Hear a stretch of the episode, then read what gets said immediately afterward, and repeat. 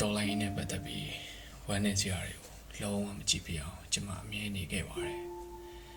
နိုင်ငံပြောက်သူဇလန်းလေးကတော့ချွင်းချက်ပါပဲဒီနိုင်ငံပြောက်သူဇလန်းလေးကိုကြည့်ပြီးတဲ့အချိန်မှာ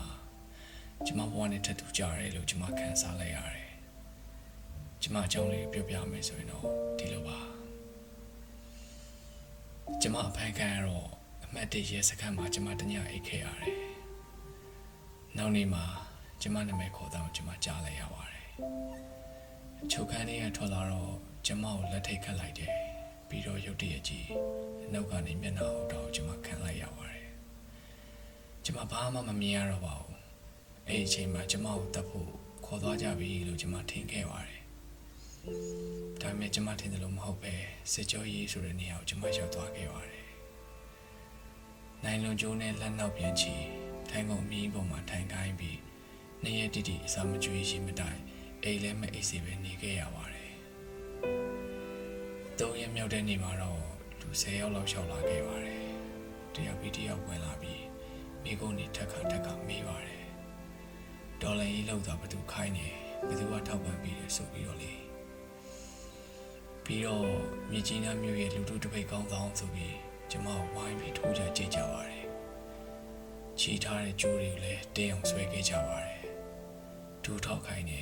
ပြီးတော့နေပေါင်းစုံနဲ့စပြီးနှိမ့်ဆက်တော်တာပါပဲ။ဒီလိုနှိမ့်ဆက်ခံပြီးဆယ်ရက်မြောက်တဲ့နေ့မှာတော့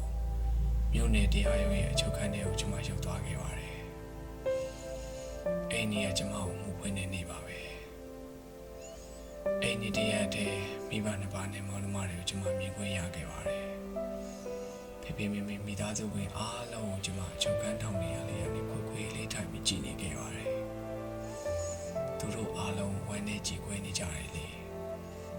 သူတို့တွေမေ့မကြခဲ့ကြပါဘူး။သူတို့ကျမအားရှိအောင်လို့ဆက်ဆံပေးခဲ့ကြပါတယ်။နောက်တော့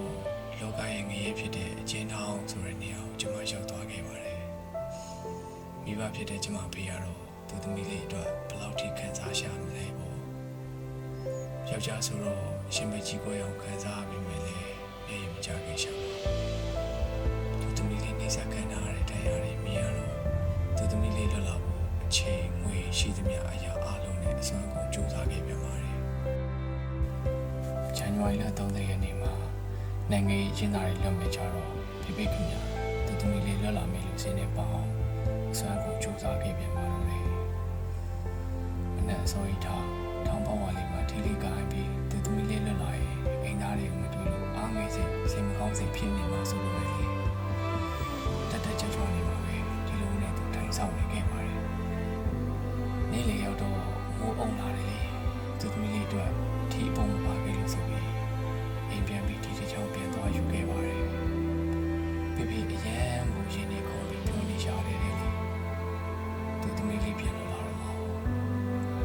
ညနေ3နာရီထိုးပြီး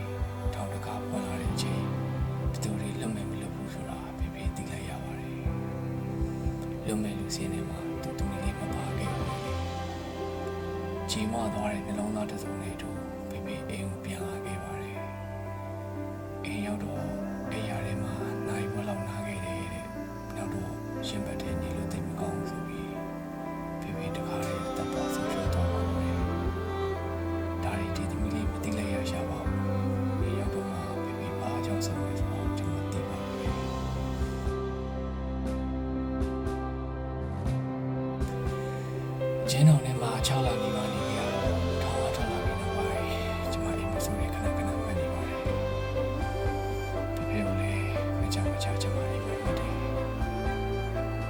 တ်ချင်းတွေလည်းအရင်လိုတမန်တိုင်းမဟုတ်တော့ပါဘူး